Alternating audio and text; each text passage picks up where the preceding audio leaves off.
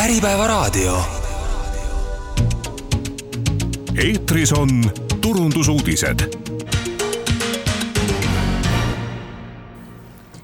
tere, hea kuulaja! käes on aeg turundusuudisteks ehk oled lülitanud ennast saate Eetris on turundusuudised lainele mina olen teie saatejuht Keit Ausner ning tänases saates räägime teemast, mis on oluline nii turundajale kui ka meie planeedile. juttu tuleb rohepöördest ja jätkusuutlikust turundusest küsimus ei ole enam selles, kas me peaksime rohkem panustama jätkusuutlikkusele, vaid selles, kuidas me saame seda paremini teha. kuidas me saame tagada, et meie turundustegevused aitavad kaasa jätkusuutlikumale tulevikule sellel teemal olen kutsunud täna arutlema kolm üsna erinevast äh, valdkonnast külalist. Äh, mul on hea meel tervitada Neste turundus- ja kommunikatsioonijuhti Risto Süllusted, tere Risto! tere päevast! Äh, lisaks on meil siin Margot Holts, Tallinna lennujaama turundus- ja kommunikatsioonijuht, tere Margot! tere! ning kolmandana on meil siin stuudios veel ka Kadri Mäesalu, kes on Joiki ekspordi- ja turundusjuht, tere Kadri! tervist, tervist! Äh, ma, äh, mul on väga hea meel, et meil on nii äh, lai valik, te olete kõik väga erineva taustaga, teie valdkonnad on väga erinevad, kuid samas te kõik peate selle küsimusega tegelema. ja, ja ma alustakski võib-olla, Kadri, sinust, et millised on teie ettevõttes praegu need sammud, mida te, mida te, kuidas te rohepööret oma turundusstrateegiasse kaasate? no selle aasta kõige suurem samm on see, et me kolime, kolime lõpuks endale ehitatud majja ja see on siis ehitatud hästi energiasäästlikult, meil on oma päikesepark, ehk noh, me kasutasime enne ka roheenergiat, aga nüüd on siis niimoodi, et me lülitame selle ka sellesse elektrivõrku, ehk et vahepeal me saame energiat teistele tagasi müüa. ja nii me siis tagame, et tootmine on võimalikult äh, energiasäästlik. no neid asju muidugi, mis me teeme, on palju, aga see on see selline selle aasta märksõna ja kõige suurem asi no joik puutub hästi palju tegelikult kokku, on ju, pakendiga, meil mm -hmm. siin need mhm. pakendiseadused ja pakendiringluse osas nõuded kogu aeg muutuvad, et äh, mis, mis te seal osas olete teinud, sest ma tean, et äh, joigil on nii, et teile saab mingisuguse osa pakenditest äh, tagasi tuua, eks mm? -hmm no me teeme korra aastas sellist suuremat kampaaniat, kus me võtame küünlaklaasi tagasi, sest neid me reaalselt saame uuesti kasutada. kosmeetikaga on see natuke keerulisem, sest et need nõuded on väga ranged ja me peame tagama selle äh, puhtuse ja, ja et kõik oleks äh, nõuetekohane, et see, et kosmeetikapakendeid me otseselt tagasi ei võta, küll aga me suuname inimesi neid õigesti taaskasutama. Õnneks Eestis see on üsna arenenud juba, et pakendite sorteerimine on inimestel suhteliselt tavaline, aga üks uus märksõna on, mis tänapäeval on, on monopakendi kasutamine, ehk et kõik äh, pakend oleks ühesugusest materjalist, olgu selleks siis näiteks mingit kindlat tüüpi plastik, sest plastikuid on ka väga erinevaid, siis on seda lihtsam äh, ümber töödelda kas monopakend on mingi niisugune uus, uus termin, uus trend äh,? Jaa, noh, selles mõttes, et see on nagu see, mille poole nüüd ka liigutakse, et, äh, et enam ei ole sel-, otseselt sellist, et demoniseerida mingit ühte materjali, nagu näiteks plastik on paha või klaas on hea, et äh, kõigil on oma head ja vead, et monopakend on see, mille poole minnakse, et ümbertöötamine oleks lihtsam Margot, räägime Tallinna lennujaamast, milline on, millised on teie praegused sammud ja mis teil sellel aastal fookuses on? no meie tegevus siis transpordisektor, sektoris eh, on siis eh, ka selline võib-olla palju räägitud ja pisut demoniseeritud, et kui ju räägitakse lennundusest, siis see justkui on see kõik see kurja juur, sest neid lennukeid me näeme taevas aga mm, kui me räägime lennujaamast, siis äh, meie puhul on süsinikheide, mis peamiselt tekib, on meie elektrienergia tarbimine, siis äh, mis moodustab peaaegu kaheksakümmend protsenti kogu meie süsinikheitest, siis teisel kohal on meil ähm, siis meie masinapark, mida me oleme nüüd kas siis välja vahetamas või ka nüüd siis tänu Ristole on ka siis äh, lihtsalt uued kütused, mis siis seda aitavad ja samamoodi ka selline küte ja, ja ka selles me oleme olulisi samme teinud, ehk et meie jaoks on oluline märksõna see, et me oleme vähendanud meie süsinikheitmeid viimase äh, siis nelja aasta jooksul rohkem kui kakskümmend viis protsenti. Ja selle aasta jooksul see number kasvab veelgi pea viiekümne protsendi võrra et me võtsime ette just need kõige suuremad süsinikheitme tekitajad ja tegelesime nendega. ehk et me rajasime päikseparke, nii et me täna siis toodame juba pea kakskümmend viis, kolmkümmend protsenti äh, keskmiselt aastas äh, sellest, mida me tarbime, ja lisaks äh, siis me tahame seda tõsta aasta-aastalt ja loomulikult samal ajal mõelda sellele, kuidas vähendada tarbimist ikkagi ka, sest ainult ei ole see, et kuidas nagu lahendada seda poolt, kuidas nagu mis, mis, mida me tarbime, aga see ka, et kuidas tarbimist ikkagi pidevalt vähendada Need asjad, mis sa mainisid, on sellised, mis võib-olla lennujaama külastaja kogemust otseselt ei muuda, on ju, aga kuidas te, kuidas te nagu need muudatused eh, niimoodi külastajateni viite, et nad saaksid, ma ei tea, et see teie nagu visioon ja missioon ja, ja need püüdlused jõuaksid selle külastaja teadvusesse ka? mulle tundub, et see ongi see kõige suurem võib-olla väljakutse meie jaoks, sest äh, mulle tundub, et äh, ja teie nüüd kindlasti täiendage mind, kui te arvate teistmoodi, Risto ja Kadri, aga aga mulle tundub, et, et inimestele läheb palju rohkem korda see, mis on talle endale nagu hästi lähedal ja hoomatav ja käegakatsutav. ehk et see, kust elekter tuleb, tihti ei jõua inimeste teadvusesse, vaid see, et kas ma saan prügi sorteerida, see on nagu see, millega kõik puutuvad kokku nii et äh, meie oleme keskendunud sellele, et me ikkagi proovime inimestele täna rääkida just neid teemasid, mis neid tõesti võib-olla puudutavad ka rohkem. see on, seda ma arvan, on päris palju, et äh, firmad, kes sellise teemaga kaasa mõtlevad, et on hästi palju asju, mis tegelikult väljapoole ei paista. mis on sul enda kas siis tootmises või elektri tarbimises ja selles kinni, aga inimene seda tegelikult ei näe. väga paljusid ka ei huvita, need, kes on teadlikumad kliendid, need teavad, noh meie puhul on ka näiteks see, et me kasutame ju väga palju mahetooreainet, on kindel klientuur, kellele on see väga tähtis, aga teised äh, sellest nii palju ei hooli või ei tea. ka noh, peavad saama teadma tuleme selle keerukuse juurde kohe tagasi, aga ma veel enne küsin eh, Risto käest, et kuidas, kuidas Nestes lood on, mis teie sammud on, eh, mis te olete teinud viimasel ajal? no meie jaoks viimane aeg ulatub sinna kuskil noh, viis aastat kindlasti tagasi, kus me alustasime nende, nende selle roheteema nügimist, kuivõrd eh, noh, Neste on maailma suurim taastuvtoorainest diislikütuse ja lennukikütuse ja polümeeride kemikaalide tootja, siis meil tegelikult see, see võimekus oli juba, juba aastaid tagasi ja, ja mis me oleme teinud, on see, et, et, et kuna meil on see lahendus, mis aitab ka teistel ettevõtetel siis äh, olla, olla keskkonnasäästlikum ja kuivõrd transpordikütused on ühed suuremad saasteallikad, siis on, on väga palju ettevõtteid ja, ja ka eraisikud loomulikult, kes, kes just selles osas saavad teha muutusi et õhk oleks puhtam, aga see ei ole olnud ka nagu ainult, ainult lahendus, mis me pakume teistele ettevõtetele, vaid me oleme ka ise enda protsessides teinud maksimaalselt energia mõistes neid samme, et et viia oma süsinikuheide, ei saa öelda küll nulli, aga, aga minimaalsele tasemele. Et, et me oleme oma, kogu oma jaotusvõrgu ehk et transport, mille, mis moel me kütuseid jaamadesse viime, on täielikult taastuvtoorainel diislikütusel meie kontor on, on samamoodi üle viidud fossiilselt gaasilt äh, taastuvtoorainest diislikütuse küttele. Ja, ja, ja kõik meie enda diiselautod sõidavad äh, säästlikult. Ja, ja, ja et noh, spordimaailmas paralleeli tõmmates me oleme juba nii fit selle energia mõistes, et meil on äh, raske nagu veel leida neid viise, kuidas olla keskkonnasäästlikum, küll neid loomulikult on ja, ja, ja, ja me püüame jah, seda, seda teadlikkust viia ka jaekliendini, et siin korra käis nagu läbi, et ega inimesed väga väga täpselt ei saa aru selles energia mõistes, nad tõesti saavad aru, et ma pean prügi sorteerima, ma istutan puu, et see puu noh, kasvab roheline, et see on nagu keskkond. aga mida kõike veel saab teha, siis, siis seda teadlikkust me püüame ikka igapäevaselt äh, oma kanalites inimesteni viia. Teil on vist praegu käimas selline kampaania ka, et ära vaheta autot, vaheta kütust, jah? jaa, täpselt nii, et, et noh, muidugi ma, me ei ütle sellega, et nagu sellele elektrile üleminek oleks nagu vale, see, see on loomulikult õige viis, on ju. aga täna, kui me vaatame, et kui, kui noh, ütleme, infra ei ole arenenud, laadimistaristu ei ole veel arenenud, kui me vaatame madalama sissetulekuga inimesi, kes täna ei suuda veel endale elektriautot osta, on ju, et noh, mis nendest saab, et me ei, me ei ole täna võimelised minema nii kiiresti suurte sammudega üle elektrile. et meil on täna ka teisi lahendusi, et meil ei ole vaja autot vahetada, meil on vaja energiat vahetada, mis me sinna autosse paneme ehk et fossiilsed ajalukku saata ja tuua siis äh, taastuvlahendused välja ja täna on see võimalus olemas. ja, ja, ja inimene ei pea tegema täiendavaid investeeringuid, lihtsalt vaheta oma energia selles autos, ehk et kütus, ja juba oledki keskkonnasäästlik. ma küsiks sinna kohe juurde, sest et ma olen ka kuulnud seda kampaaniat, aga kuna ma olen nii laisk, et ma kuhugi kodulehele vaatama ei läinud, ma saan kohe küsida. mis, et mis see tähendab, sest see jäi mulle ka kõrva, et äh, ma saan aru, et see käib diisel, diislikütuse kohta,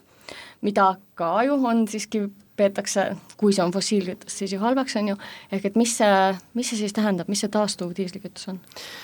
taastuv diislikütus on kütus, mis ei ole toodetud naftast et äh, kui me pumpame maa seest naftat mm, -hmm. siis me paiskame selle keskkonda, me emiteerime täiendavat süsinikku, nüüd kui me võtame taastuvtoorainest, siis äh, need toorained, millest see kütus on juba toodetud, ehk et see süsinik juba ringleb keskkonnas. ehk et äh, need on igasugu toiduainetööstuse jäätmed, jäägid mm, -hmm. kõiksugu rasvad, võimalikud nii-öelda tööstuse jäägid, mida muu tööstus enam ei vaja piltlikult öeldes kõik, kõik, mis sisaldab mingilgi määral rasva, on võimalik toota, sellest on võimalik toota kütust. Okay.. ja Neste Mai Renewable Diesel on tema siis ametlik nimi, see just ongi. ja ta on küll mõnevõrra kallim, aga kõik alternatiivsed lahendused täna on kallimad, et see on nagu paratamatu ja, ja, ja me püüame riigiga koostöös seda ka aktsiisi äh,, aktsiisi allapoole saada, et, et, et tarbijale see rahakotile nagu vastuvõetavamaks teha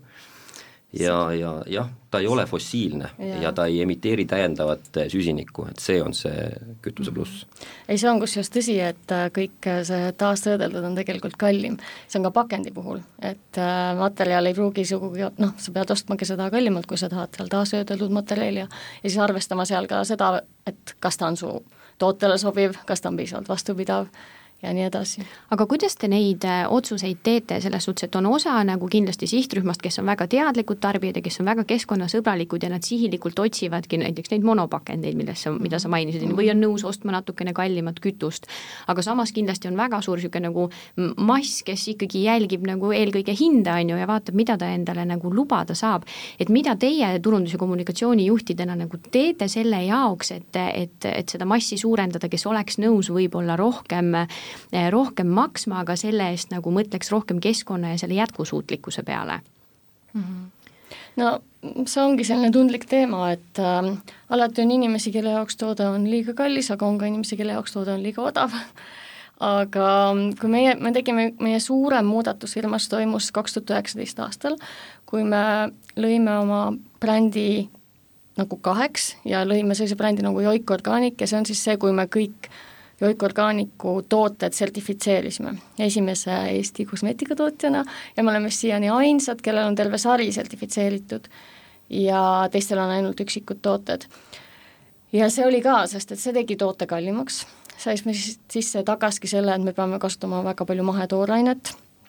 ja sertifitseerimisfirma Ecotset käib meil iga aasta kontrollimas ja nad kontrollivad nagu mitte ainult seda, mis su tootesse läheb, vaid ka seda, mis sa pakendil kirjutad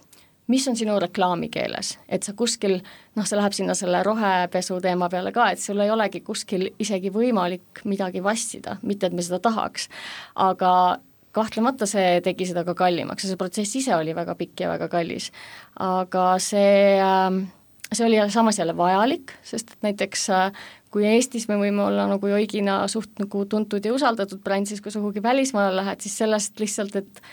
rääkida, et me ausalt oleme looduslikud, me ausalt oleme head, me ausalt teeme nii, sest jäi nagu väheks. aga just see sertifikaat siis nagu annab inimesele selle, selle usalduse.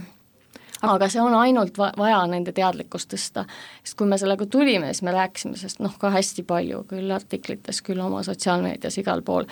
ja kui sa ikkagi hästi palju inimesele räägid, miks see mahe on hea, miks on looduslik hea, siis ta lõpuks võtab selle omaks ja seda äh,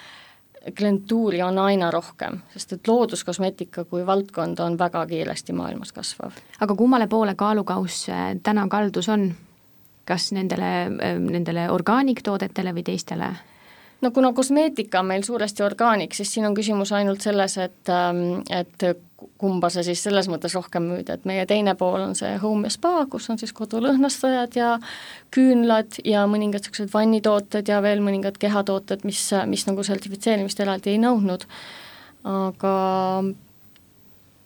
ma ei oskagi täpselt niimoodi öelda praegu, mm. et äh, mida, mida me praegu rohkem müüme, ikka kosmeetikat, jah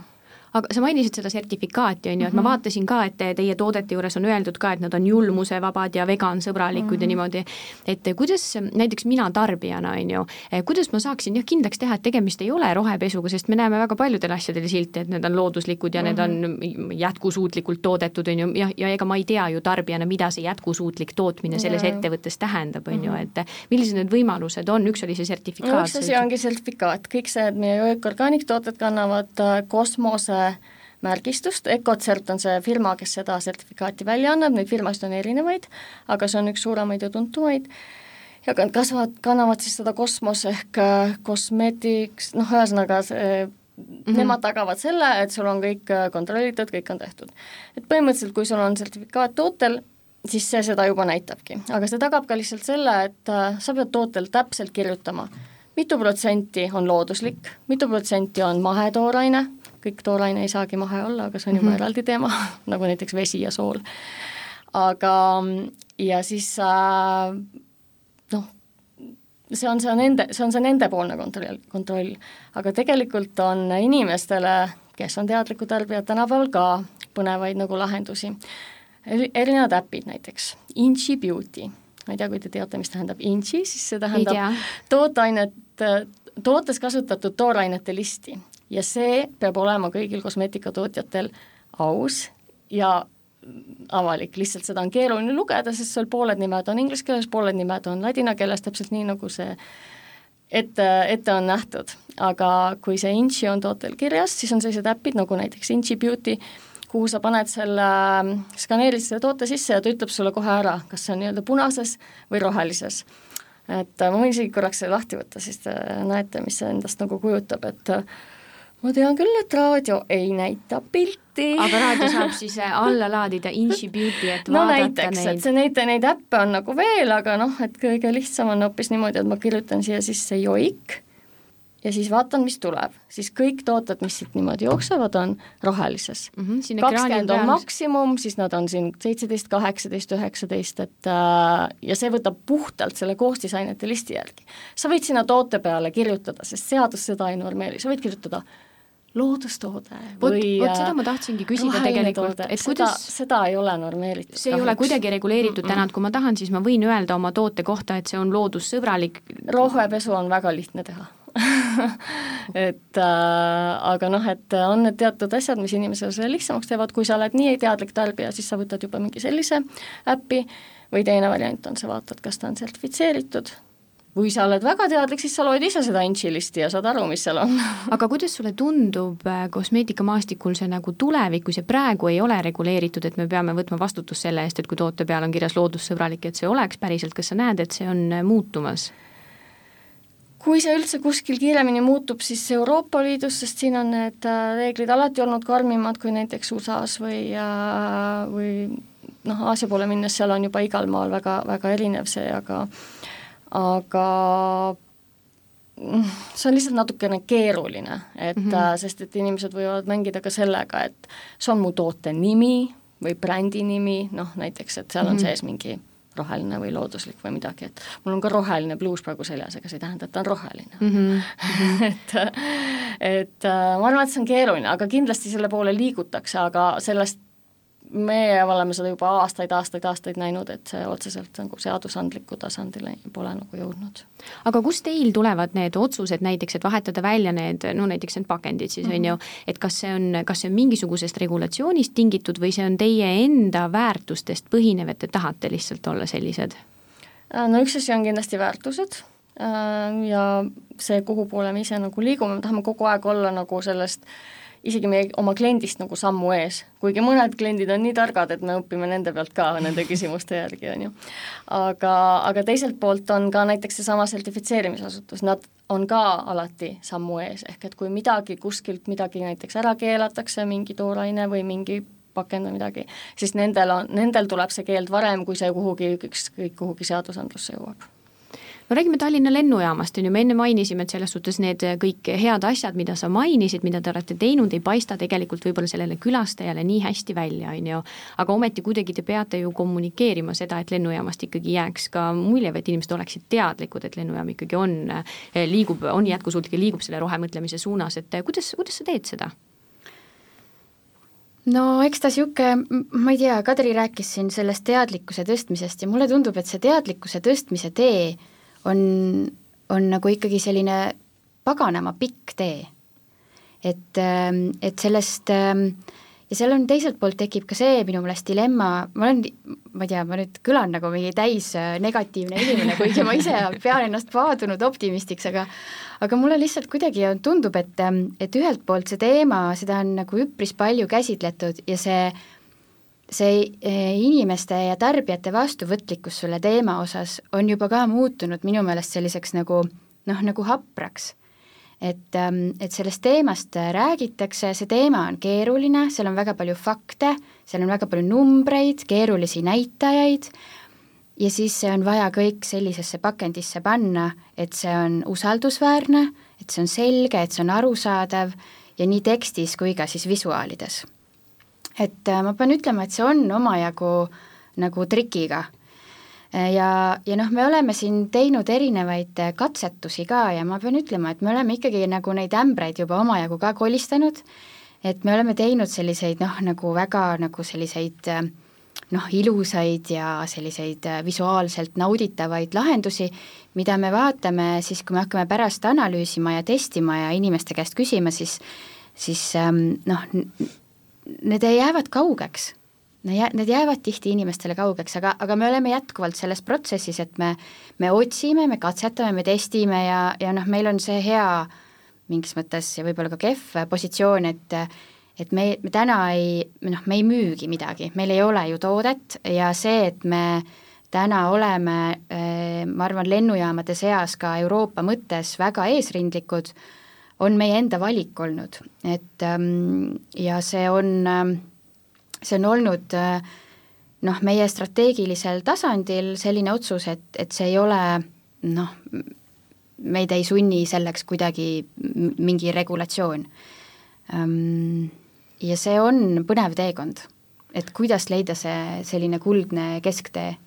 ma olen selles mõttes Margotiga väga nõus siin, et see on paganama pikk teekond. Et eestlane on selles mõttes võrreldes nagu muu rahvust, muude rahvustega niisugune väga pragmaatiline, aga väga, väga skeptiline et äh, tuleb osata pakendada seda, et mis on see väärtus temale. et kui me vaatame nagu, nagu ühiskonda ja võrdleme meid äh, näiteks Skandinaavia, kes me oleme kuskil kümme aastat kindlasti oleme nagu selles äh, jätkusuutlikkuse arusaamas ja mõtteviisis muust Skandinaaviast maas.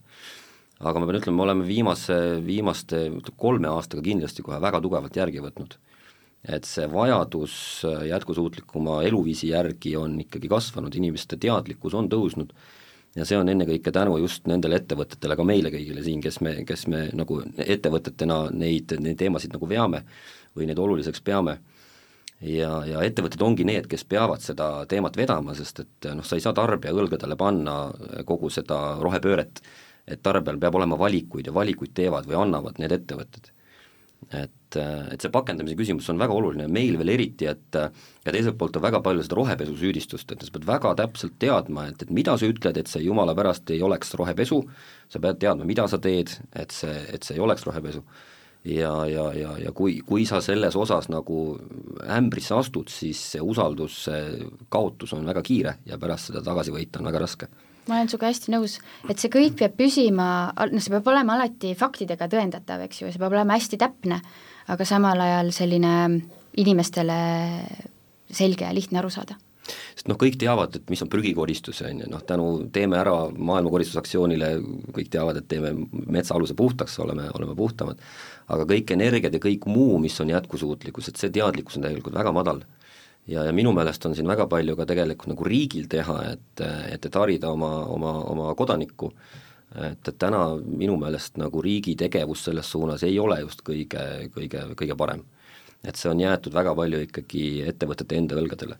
Aga täpselt nii ta tegelikult ongi ju, selles mõttes, et siis, kui meie tegime selle sertifitseerimise, siis loomulikult me peame seda ise promo, promoma, sellepärast et äh, keegi ei tea, isegi ajakirjanikud ei tea, kui, kui nendega sellest rääkida. et siis peadki ise kirjutama artikleid, ise tegema asju selleks, et nad, et see inimesteni jõuaks, sest et loomulikult sa pead oma saba siis tõstma, sellepärast et sa oled selle sammu teinud ja seetõttu oled sa teistest parem, aga sa pead seda ka näitama. ja see siis õigustab ära ka sinu võimaliku hinnatõusu või mida iganes, täpselt sama ju selle kütusega, et teadlik inimene teeb selle valiku, aga ta teabki ju siis, et ta maksab rohkem selle eest, on ju. jah, ja noh, ettevõtete pealt ka vaadates, no meie äris nagu, et, et kui me, kui me nagu äh, noh, tõstame selle jätkusuutliku kütuse teadlikkust, on ju, siis igal sellisel äh, uuel alternat-, alternatiivsel lahendusel on, on mingipärast selline kõrgem hinnakuvand ja me siin kõik koos tõenäoliselt, kui me, kui me nagu promome neid asju, siis me teadlikult maksame nagu lõivu selle pealt, et inimene tajub seda ettevõtet, kes roheteemadega tegeleb, kallimalt ja, ja see on ka selline paratamatu noh, nüanss siin juures, et, et me peame ka seda nagu kommunikeerima, et ei, et alati rohelised lahendused ei ole, ei pruugi olla kallimad, on ju. aga täna nad suures pildis ikkagi pisut on, on ju, et jah, pisut on, et eks nagu ma ütlesin enne ka, et, et kõik alternatiivsed lahendused alguses on, ongi veidi kallimad, sellepärast et et noh, see ei ole nagu, nagu massitoode, kui see ühel hetkel saab normaalsuseks, siis loomulikult ka, ka ühiku hind kukub. aga täna ta paraku on veidi kallim, on ju, nii et, et need ettevõtted jah, kes on selle rohe eesrinnas, nad maksavad lõivu selle pealt, et inimesed tajuvad neid kallimalt ja võib-olla mingil hetkel kaotavad, ma ei tea, mingi, mingi osa klientuuri, kes mm -hmm. on mhm. nagu skeptilised selles äh, roheteemas kas sa arvad, et, et tuleb ja, ja millal tuleb aeg, kus, kus ikkagi rohe, rohetooteid soositakse nii, et ka nende hind on soodsam ja et, et kallim oleks kahjulikum? No minu meelest on siin riigil väga palju teha, ma jälle räägin natuke meie enda ärist, on ju, et noh, meie, me oleme nüüd aastaid tegelikult juba, juba riigile selgitanud, et näiteks äh, taastuvtoorens diislikütuse aktsiis ei pea olema fossiilse kütuse aktsiisiga sama. pahesid tuleb maksustada ja, ja, ja fossiilsed kütused ajalukku saata, aga, aga soodustada siis jätkusuutlike lahenduste kasutamist ja, ja kui riik siin täna ka oma hinna või ütleme, maksuregulatsioonides teeb muudatusi, et inimestele teha rohelisem lahendused kättesaadavaks, siis nad ka ühiskonnas rohkem nagu noh, kasutust leiavad ja, ja eestlase juurde tagasi tulles, et meie, meie, meie noh, minu kogemusele näitab seda, et eestlane on selline, tema usub nagu naabrimeest, on ju. kui naabrimees seda kasutab, et no mina siis hakkan ka kasutama, on ju, et meil on sellist nagu kriitilist massi vaja ja küll see ühel hetkel siis suure rattana edasi veereb, nii et aga riigi toetus on siin hästi oluline kindlasti, nii kommunikatsioonis kui, kui mõneti ka maksusoodustuste osas Eh, saate esimeses pooles me rääkisime sellest, eh, mida teie olete oma ettevõtetes teinud ja millised need eh, sammud on, mis teil praegu käsil on siis, et rohepööret oma turundusstrateegiasse tuua. aga räägime sellest, et kas, kas selle, selle protsessi käigus on see kuidagi mõjutanud teie koostöösuhteid või olete te pidanud mõned partnerid välja vahetama või võib-olla mingisuguseid toot-, mingisugustest tootesarjadest loobuma, kuidas see Joikiga näiteks on? Kui me tegime selle sertifitseerimise, siis olid väga suured muudatused, sest et siis äh, on meil väga kindel äh, list, et kui, kui see toorainetootja ei sobi Ecocertile ja sellele sertifikaadile, siis ei saa meiega neid kasutada. ehk et tegelikult seda, see, siis olid väga suured muutused, absoluutselt. ja mis puutub äh, üleüldse edasimüügi ja koostööpartnerite osas otseselt mitte, ehk et mm -hmm. see nagu selles mõttes muudatust pole toonud, pigem nagu see, et äh, see, kui sul on see sertifikaat, see avab natuke rohkem uksi. kas on, aga kas mingeid äh, tooteid on, millest te olete pidanud loobuma, sest see tootmisprotsess võib-olla ei ole, ei ole olnud nii roheline, kui tahaks mm,? Me oleme lihtsalt teinud muudatusi sujuvalt, et äh, otseselt nagu midagi loo-, loobuma pole pidanud, sest me oleme algusest peale olnud ju väike ja käsitööna ala, alanud ettevõte ja äh, partiid on väiksed ja kõik on selline hästi, hästi paindlik, aga üks asi, mis me just ka hiljuti muutsime paar aastat tagasi, oli see, et me läksime küünalde puhul üle sojavahalt rapsivahale. just selle mm, transpordi kauguse mõttes, sest sojavaha tuli ainult kas Ameerika poolt või Aasia poole pealt ja rapsivaha toodetakse Euroopas, võib-olla isegi sellest samast rapsist, mis siin Eestis ka kasvab, on ju, et ta tuleb Skandinaaviast ja see tee on nagu palju lühem aga kuidas te seda klientidele kommu-, mina näiteks väga suur küünlaarmastaja, on ju, ei teadnud, et Yoigi küünaldes niisugune muudatus on, et kuidas te seda kommunikeerite ja kas see, ma ei tea, kas, kas see mõjutas kuidagi toote hinda ka näiteks? mm,? Meil oli muudatus, oli suurem ka selle osas, et me muutsime ka, ka, ka klaasi, kuhu me küünalt äh, valasime, et äh, et otseselt, otseselt see nagu selles mõttes hinda ei mõjutanud, et kogu see muutus natukene mõjutas, aga no väga kahju, et sa sellest ei kuulnud midagi, sest meie kirjutasime sellest blogisid ja tegime oma sotsiaalmeedias seda ja noh, iga, iga sellise muudatuse peale me muidugi nagu reklaamikampaaniat mm -hmm. ei hakka tegema, et aga aga see on aga üks no, keerukus selle... kindlasti, on ju, et te, te kõik kolm on ju täna näete vaeva ja, ja, ja kirjutategi pressiteateid, blogisid mm -hmm., sisuturundusartikleid, harite, on ju, aga see üks tarbija ei jõua, ei jõua lihtsalt kõike seda, on ju, nagu vastu võtta, et meil on täna siin kolm brändi, on ju, aga tegelikult ma arvan, et minu niisuguses tavalises ringis on brände paarkümmend, millega ma kogu aeg kokku puutun ja mida ma eelistan, on ju, et ei jõua lihtsalt nagu jah, jälgida neid, millest on tõesti jah kahju jah, see on osaliselt see, aga tegelikult on ka see, et ega tegelikult ajakirjandus ka neid uudiseid üles ei korja, sellepärast et äh, siis, kui me tegime pressiteate, et me kolime oma uude majja, noh, suur asi, et väike Eesti firma, kellel on nüüd täitsa oma ja kõik roheline ja väga, väga tore maja, siis äh, mitte keegi seda kuskil üles ei pannud, küll aga tuli uudis sellest, et väike lillepood paneb äri kinni samal päeval aga küll aga teie uudis, et teil oli äh, see soodusmüük, kolimise soodusmüük, ma kujutan ette, et see jõudis massidesse. ma ei tea, see kuidagi hästi jõudis jah, sest väga palju rahvast tuli, järjekord oli taga ja kõik, kõik tahtsid ühe, kolme ja viie euroseid tooteid. vot, vot siin enne Risto ütles ka, et küsimus on selles, mis see kliendi kasu on, on ju, kuidas see teadvusesse jõuab, et ei, seda loomulikult ja, ja muidugi, et äh, kunagi sul ei ole mõtet rääkida sellest äh,, mis su äh, toode teha oskab, vaid sellest, mis ta teeb sinule et mm -hmm. sinule kui kliendile. aga sellega ma olen jah väga nõus, et meedia mõistes on küll äh, selliste uute rohelahendustega ületada meedia huvi on, künnist on ikka väga keeruline praegu, et see on muutunud hästi palju nagu hügieeniks et kui sul on natukene niisugune kommertslik mekk, et noh, ma ei tea, Joik tegi uue jätkusuutliku kreemi või mis iganes, siis noh, mis sellest mm. -hmm. aga kui sa mhm. suudad sinna sisse panna nagu mingisuguse väärtuse, et kuidas ta ühiskonda muudab või kuidas ta lõpuks seda lõpptarbijat nagu kõnetab, et siis, siis ta võib nagu natukene minna aga jällegi, kui võtta, vaadata viis aastat tagasi, siis oli lihtsam nende teemadega meediasse pääseda kui praegult. Et tõesti, mhm. see, ma olen väga nõus, et see on päris keeruline. rohkem tapeediks, jah. meil on puudu üks äh, roheuudisveeb, mis kajastaks selliseid innovaatilisi lahendusi ja annaks võib-olla teistele ettevõtetele tegelikult just ka ideid, on ju, et mida mm, -hmm. mida, mida ümberringi eestlased teevad, et äh, see oleks võib-olla isegi väga hea mõte. aga Tallinna lennujaama juurde tulles, on ju, ma ei kujuta ette, kas lennujaam näiteks saab loobuda oma koostööpartneritest ja mingisugustest lendudest, sellepärast et see näiteks see lennuk kasutab ebasobivat kütust või on liiga kõrge müratase, sest ma tean, et lennujaam on ju, ju üks osa sellest keskkonnafaktorist on ka see mürataseme hoidmine, et et kas te olete pidanud äh, loobuma mõnest koostööpartnerist? no e, esiteks jah, me oleme riigiettevõte, mis tähendab seda, et, ähm, et me korraldame hankeid siis erinevate partnerite äh, siis saamiseks, on ju. aga, aga, aga oma protsessides me oleme küll palju muutnud, ehk et me täna Äh, suhtume ise väga palju teadlikumalt sellesse ja me oleme hangetesse, erinevatesse dokumentidesse seda sisse kirjutanud, et, ähm, et kõik meie partnerid peavad vastama siis äh, siis teatud nõuetele, mida me oleme kehtestanud, olenevalt siis sellest, äh, mis teema või valdkonna partnerid nad meil on. Aga, aga lennufirmadele tõepoolest lennujaamana me kätt ette panna nii-öelda ei saa, et äh, üle Euroopa kehtib selline avatud taeva põhimõte, ehk et kõik lennufirmad, äh, Euroopa Liidu omad, võivad lennata, kuhu nad tahavad. okei okay,, et ei saa öelda, et, et nii suur lennuk, mis lendab pooltühjana, et me ei taha, et, et, et te tuleks siia maanduma veel sellise kütusega? hetkel meil sellist tõepoolest, ähm, sellist hooba ei ole, aga siin on ka täpselt seesama, mida tegelikult Risto enne mainis, et et meie koostöö riigiga äh, ja riikide, riikidel on väga palju võimalusi äh, nii müra osas kui ka paljudes teistes kohtades ähm, siis ähm, piiranguid seada ma pean ütlema, et ega me neid väga, neid piiranguid ei oota lennujaamana ja mm -hmm. ma mhm. usun, et reisijad samamoodi. sest äh, mis paljudes lennujaamades mujal Euroopas on tavaline, et peale üht-teist õhtul ükski lennuk enam ei maandu ja enne hommikul kella kaheksat ei tõuse õhku,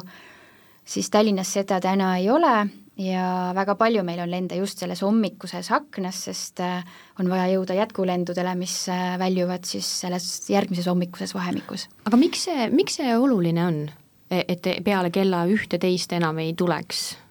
see on, kui rääkida sellest mürafaktorist, siis äh, paljudes Euroopa riikides, kus lennujaamad on ka linnadele lähedal või siis on juba teistpidi linnad ise jõudnud lennujaamadele lähedale, siis ähm, äh, kohalike ela, elanike ja kogukonna surve lihtsalt selle vaikuse saavutamiseks öötundideks on äh, niivõrd tugev, et siis selliseid otsuseid on väga paljudes kohtades vastu võetud. Aga siis äh, terendab meil reaalsus, et, et Tallinna lennujaamas ka varsti nii on? ma loodan, et mitte lähiaastatel, aga ma ei välistaks seda, et kui me räägime viie kuni kümne aasta perspektiivis, siis seda võib juhtuda, et, et see jällegi teist poolt võib mõjutada ka seda, kui palju lennufirmasid üldse Tallinnasse siis ju ka lendab mm, -hmm. et sellel on, sellel mündil on see teine külg veel et, ähm, et ma loodan, et siin on võimalik leida ka selliseid kuldse kesktee lahendusi aga, aga praegu on ju see nagu ütleme, see koormus on selles suhtes jaotatud, et öötundidel saab, saab ikkagi ka maanduda ja lennujaamas olla, nii kui, kui nüüd peaks selline muudatus tulema, kas meie lennujaam suudab näiteks sellesama mahu ära teenindada, kui ma õigesti teie sealt strateegiakaardist lugesin, siis kaks tuhat kakskümmend viis aastal tahaks teenindada neli miljonit mm -hmm. inimesteks. et eh, kui see nüüd peaks nagu muutuma ja, ja, ja peaks olema nii, et öötundidel lennata ei saa, kas me sellesama massi nende tundide sees oma lennujaama suurust arvestades üldse suudame ära teenindada? Äh, jah, kindlasti, et lennundus ja lennujaamad me vaatame hästi pikalt ette, et meie teeme täna plaane sinna viisteist ja kakskümmend aastat ette ja, ja see on puhas selline protsesside küsimus, et kuidas me suudame rohkem ära teenindada, sest lennuraja mm, mõttes me oleme selleks, noh, Gatwick on hea näide, Londonis seal on ka ainult üks lennurada, millega teenindatakse ära siin kõvasti, kordades rohkem kui väga hea Tallinnas. planeerimine on siis ju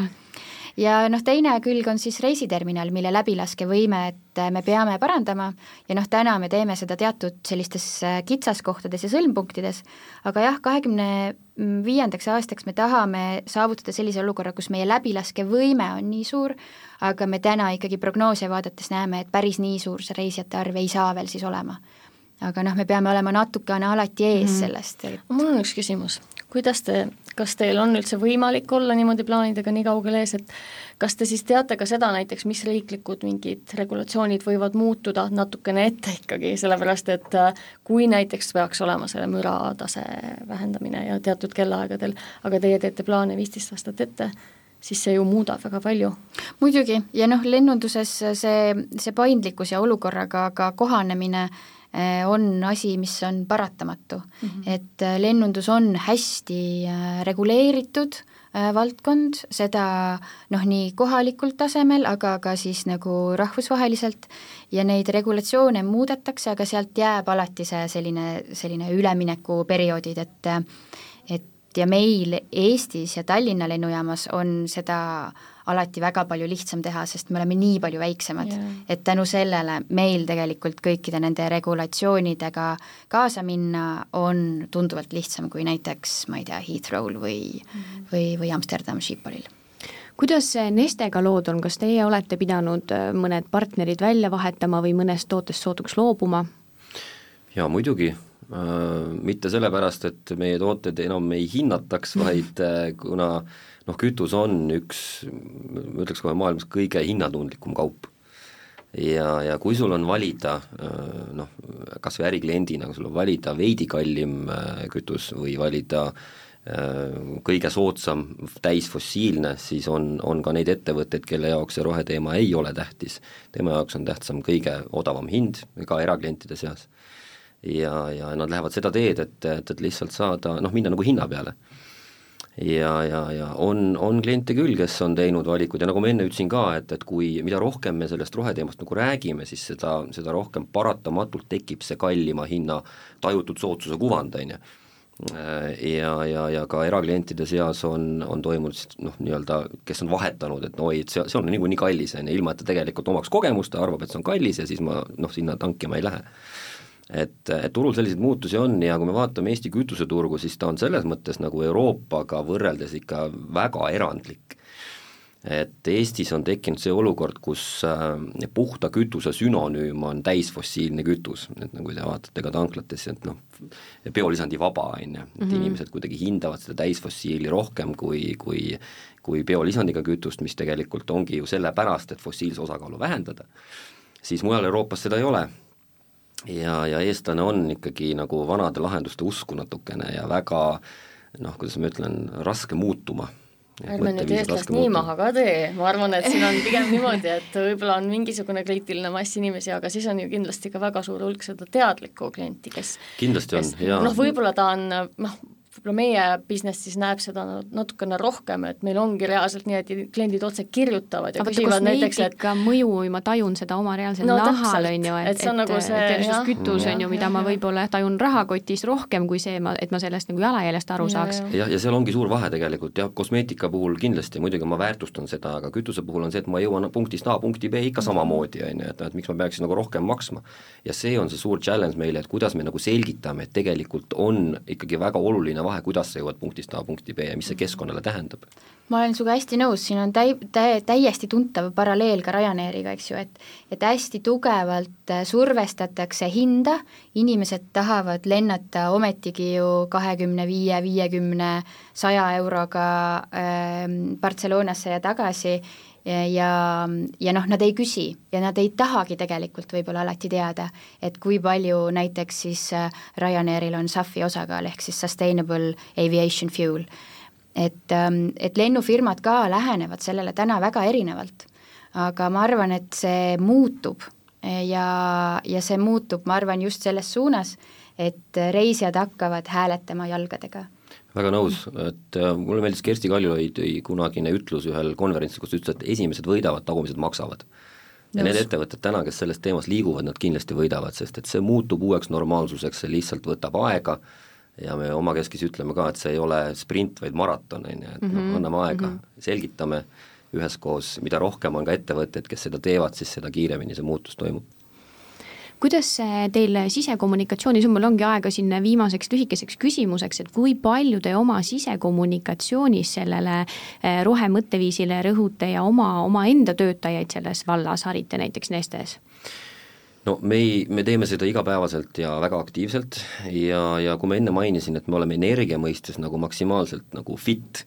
siis me otsime muid vahendeid, muid viise, kuidas äh, olla, anda veel rohkem keskkonda, et me äh, liitusime ka Rohetigri Akadeemiaga, kus me siis äh, jõudsime selle rohekontori ideeni,